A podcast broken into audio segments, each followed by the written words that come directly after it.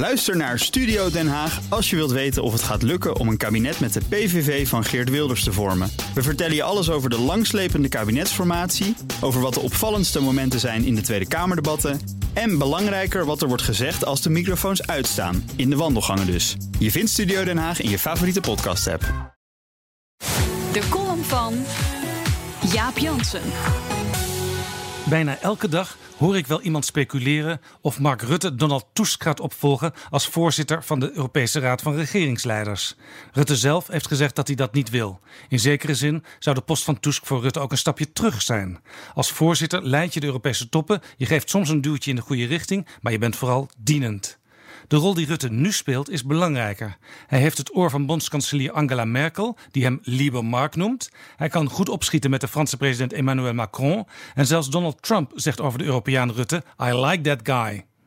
Waar de premier wel voorzitter van zou willen worden, zeggen mensen die hem goed kennen, is de Europese Commissie. De Commissie speelt een eigen belangrijke rol en heeft in Europa het initiatiefrecht. Nieuwe wetten maken, maar ook overbodige regels afschaffen. Dat is de taak van de Commissie.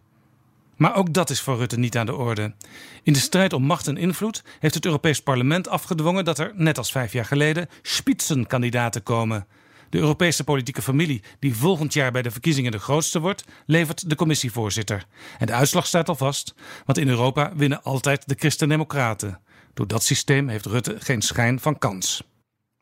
Bij de Sociaaldemocraten klinkt onder andere de naam Frans Timmermans. In 2014 koos voorzitter Jean-Claude Juncker hem als adjudant. De eerste vicepresident werd meteen de grote communicator genoemd. Hij sprak perfect zeven talen en was als designated survivor de ideale opvolger, mocht Juncker tussentijds wegvallen.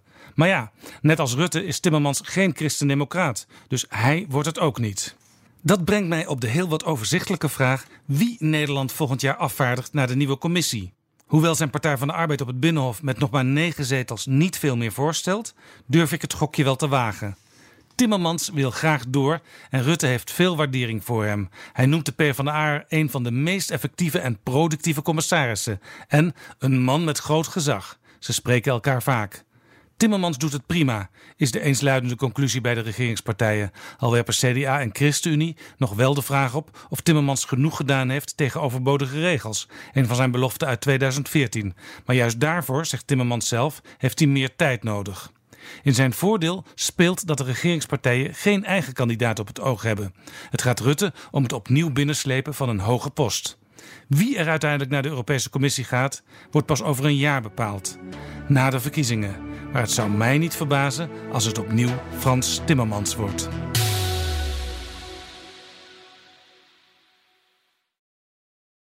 Ook Hugo Reitsma vind je in de BNR-app. Superhandig die BNR-app. Je kunt alle programma's live luisteren, breaking nieuwsmeldingen. Je blijft op de hoogte van het laatste zakelijke nieuws. En je vindt er alle BNR-podcasts, waaronder natuurlijk de belangrijkste, Boeken zijn in de wijk. Download nu de gratis BNR-app en blijf scherp.